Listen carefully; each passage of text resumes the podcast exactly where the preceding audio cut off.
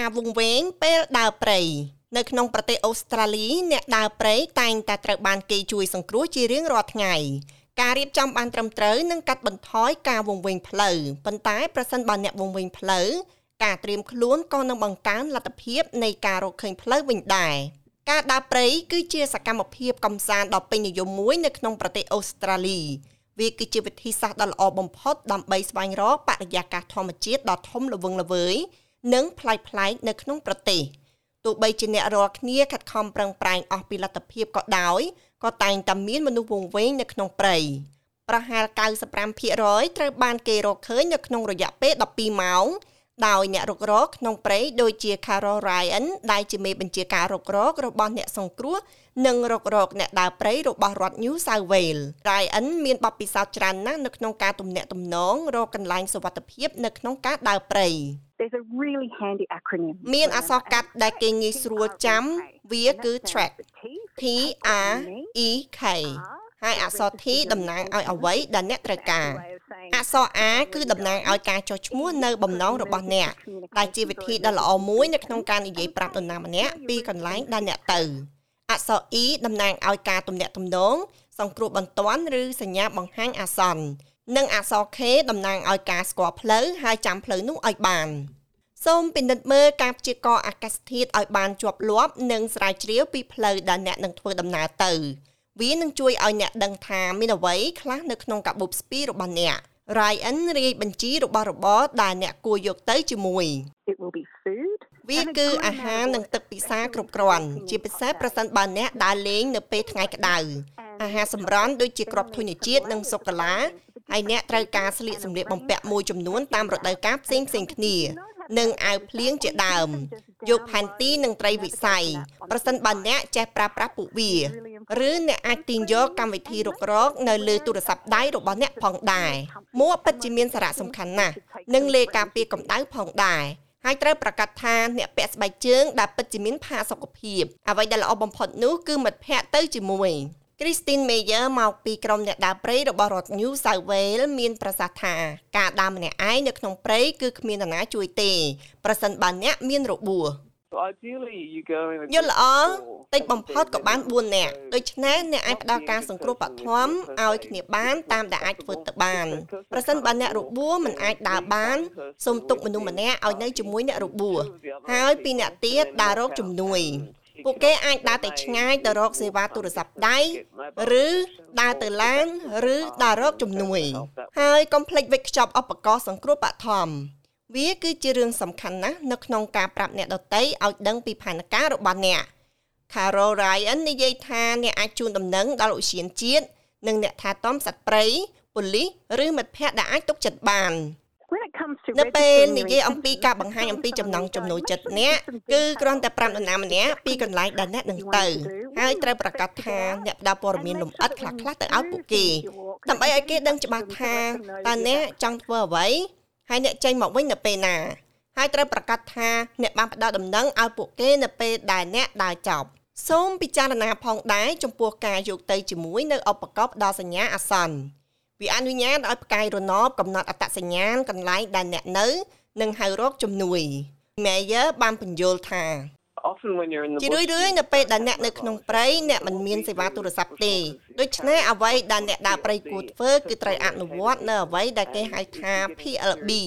នោះគឺឧបករណ៍បញ្ជូនសញ្ញាផ្ទាល់ខ្លួនដើម្បីផ្ដល់ដំណឹងជូនទៅដល់អ្នកជួយសង្គ្រោះនៅពេលដែលខ្លួនស្ថិតនៅក្នុងតំបន់ដាច់ស្រយាល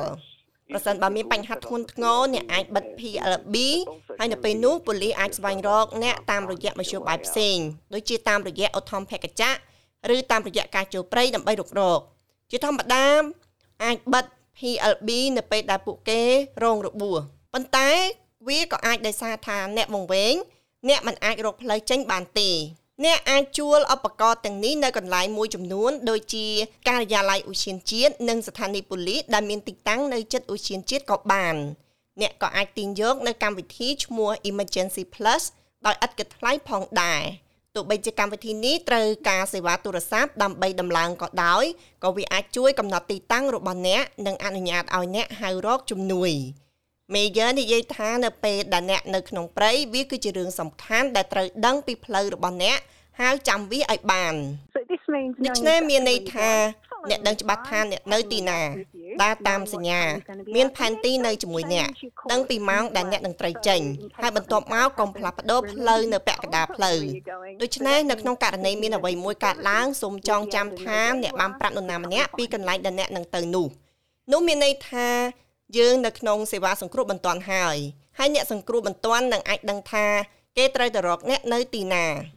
Helen Donovan មកពីក្រុមអ្នកដាប់ព្រៃរបស់អូស្ត្រាលីខាងត្បូងនិយាយថាត្រូវវាស់ស្ទង់លទ្ធភាពរបស់ខ្លួនឯងនឹងការដើរព្រៃជាប្រចាំ។ one of the most common គ្រោះថ្នាក់មួយក្នុងចំណោមគ្រោះថ្នាក់ទូទៅបំផុតគឺការជ្រើសរើសផ្លូវលំដែលមិនសមស្របទៅនឹងកម្រិតកាយសម្បទាឬបទពិសោធន៍របស់អ្នកហើយបន្ទាប់មកអ្វីដែលអាចកើតឡើងគឺអ្នកមិនមានទឹកពិសាឬអាហារគ្រប់គ្រាន់ឬសម្លៀកបំពាក់មិនសមស្របឬអ្នកមិនមានឧបករណ៍សង្គ្រោះបឋមនៅពេលដែលមានគ្រោះថ្នាក់អ្វីមួយកើតឡើង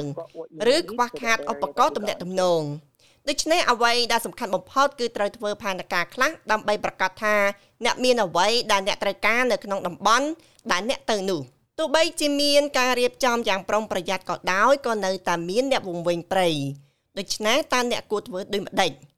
Ryan និយាយថារឿងដំបូងគឺអង្គុយចុះហើយធ្វើខ្លួនឲ្យស្ងប់ស្ងាត់ហាត់ទឹកមួយកែវប្រសិនបើអ្នកមានចង្ក្រានតូចអ្នកក៏អាចឆុងតែមួយពែងហើយដោយការអង្គុយចុះដែលអាចធ្វើឲ្យអ្នកស្ងប់ចិត្តនិងធ្វើការសម្រេចចិត្តច្បាស់លាស់ អ្វីដែលអាក្រក់បំផុតដែលអ្នកអាចធ្វើនោះគឺធ្វើឲ្យខ្លួនឯងកាន់តែវង្វេងដោយសារព្យាយាមបន្តទៅមុខហើយគិតថាខ្ញុំប្រកាសថាវានៅចិត្តជាក្រុងនោះហើយគឺជាអ្វីដែលយើងហៅថាពុតផែនទីសូមគិតអំពីពេលវេលាចុងក្រោយដែលអ្នកស្គាល់ថាអ្នកនៅឯណានោះអ្នកអាចឃើញសញ្ញាឬក៏ផ្លូវប្រសពអ្នកអាចដើរថយក្រោយនៅក្នុងចម្ងាយខ្លីហើយដាក់សញ្ញាសម្គាល់ឲ្យច្បាស់ផងប្រសិនបើអ្នកមិនមានសញ្ញាអាសន្នទេ ហើយអ្នកមានអារម្មណ៍ថាស្ថានភាពកាន់តែធ្ងន់ធ្ងរ Ryan បញ្យល់ថាសូមជាយាមឲ្យអស់ពីលទ្ធភាពដើម្បីធ្វើឲ្យអ្នកនៅក្នុងទីតាំងមួយដែលគេអាចមើលឃើញ if the weather's right and ប្រសិនបើអាកាសធាតុល្អហើយមានធនធានគ្រប់គ្រាន់យើងនឹងប្រាក់អធមភិកចៈឡើងលើអាកាសដើម្បីមើលថាតើយើងអាចថាតើយើងអាចឃើញអ្នកឬអត់ដូច្នេះសម្លៀកបំពាក់ពណ៌ភ្លឺនៅក្នុងព្រៃគឺពិតជាមានសារៈសំខាន់ណាស់ដូចជាពណ៌លឿងទឹកក្រូចក្រហម និងពណ៌លិចលិចមួយចំនួនទៀតពណ៌មួយចំនួនគឺវាមិនធ្វើឲ្យលេចឡើងនៅក្នុងព្រៃទេ ពណ៌លិចលិចទាំងនោះធ្វើឲ្យអ្នកសង្គ្រោះអាចមើលឃើញពីលើអធមភគចៈអ្នកអាចប្រើពិលឬពន្លឺពីកាមេរ៉ាឬវត្ថុភ្លឺចាំងណាមួយប្រសិនបើមានឧបករណ៍សង្គ្រោះបឋមអ្នកគួរតែមានភួយសង្គ្រោះបឋមពណ៌ប្រាក់លាតភួយចេញហើយនោះនឹងអាចជះពន្លឺដែលអ្នកសង្គ្រោះមិនទាន់អាចមើលឃើញពីលើអធមភគចៈយកវត្ថុដែលមានពណ៌ភ្លឺចេញប្រសិនបើអ្នករងរបួសឬអាកាសធាតុមិនល្អសូមស្វែងរកទីជម្រក កម្ដៅខ្លួនឲ្យក្ដៅអ៊ុនអ៊ុនដោះសម្លៀកបំពាក់សាមចេញ ហើយបើអ្នកអាចធ្វើបានសូមដុតភ្លើង វានឹងជួយឲ្យគេមើលឃើញអ្នកយកថង់សម្ភារៈរបស់អ្នកចេញ អ្នកប្រហែលជាត្រូវការអាហារនិងទឹកខណៈពេលដែលអ្នករងចាំជំនួយទោះជាយ៉ាងណាក៏ដោយសុវត្ថិភាពចាំបាច់មុនពេលអ្នកចេញដំណើរទៅកាន់ព្រៃការបញ្ចប់វគ្គសង្គ្រោះបឋមគឺជាវិធីសាស្ត្រដ៏ល្អមួយដើម្បីពង្រឹងសមត្ថភាពខ្លួនឯងដូច្នេះអ្នកអាចថែរក្សាខ្លួនអ្នក និងអ្នកដែលនៅជុំវិញអ្នក Mayor ក៏ណែនាំឲ្យចូលរួមជាមួយនឹងក្លឹបអ្នកដើរព្រៃផងដែរ។ You'll learn loads of practical skills while អ្នកនឹងមានជំនាញជាក់ស្ដែងជាច្រើនខណៈដែលអ្នកកំពុងដើរព្រៃវាក៏មានន័យថាអ្នកទទួលបានវិធីសាស្ត្រចំនួន4ដើម្បីឲ្យមានសុវត្ថិភាពនៅក្នុងព្រៃអ្នកនឹងជួបមនុស្សរស់រាយរាក់ទាក់ជាច្រើនអ្នកហើយពួកគេនឹងបង្រៀនអ្នកគ្រប់បែបយ៉ាងជំនាញដូចជារបៀបរុករករបៀបអានផែនទី និងត្រីវិស័យ របៀបសង្គ្រោះបឋមនិងរៀនអ្វីដែលត្រូវធ្វើនៅពេលដែលជួបបញ្ហា ពួកគេមានបទពិសោធន៍ច្រើនហើយអ្វីដែលលើពីនេះគឺពួកគេនឹងនាំអ្នកទៅកាន់កន្លែងដ៏អស្ចារ្យបំផុតដែលមនុស្សជាច្រើនមិនធ្លាប់ទៅអត្ថបទនេះរៀបចំដោយ Melissa Company និងប្រែសម្រួលដោយនាងខ្ញុំឡៅដានេសម្រាប់ការផ្សាយរបស់ SBS ខ្មែរ